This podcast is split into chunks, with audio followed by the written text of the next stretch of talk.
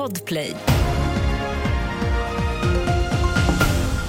Här är senaste nytt om att en bil ska ha beskjutits under natten i Anderstorp i Jönköpings län. Varken den som sköt eller bilen som träffades av skotten har hittats, säger polisen. Inte heller verkar det som att någon kommer till skada. Man ska ha säkrat spår och det finns vittnen men man vet inte något om vilka som var inblandade. Högerpopulisten och ultraliberalen Javier Milei blir Argentinas nästa president. Med över 90% av rösterna räknade har han nära 56% av väljarstödet. Han har skapat rubriker under sin valrörelse när han bland annat sagt att han vill spränga landets centralbank och kallat klimatförändringarna för bluff. Vi avslutar med gårdagens EM-kvalmöte mot Estland i fotboll. Janne Anderssons sista landskamp som förbundskapten.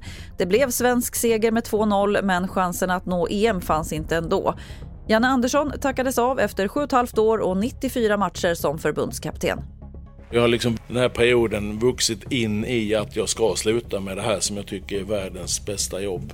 Men det går inte att ta bort känslorna när man ser barn och barnbarn och också känna publikens stöd. Det blir mycket känslor i det.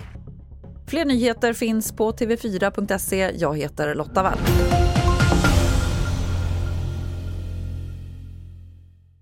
Ett poddtips från Podplay.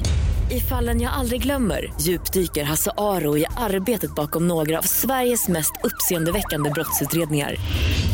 Går vi in med hemlig telefonavlyssning och, och då upplever vi att vi får en total förändring av hans beteende. Vad är det som händer nu? Vem är det som läcker?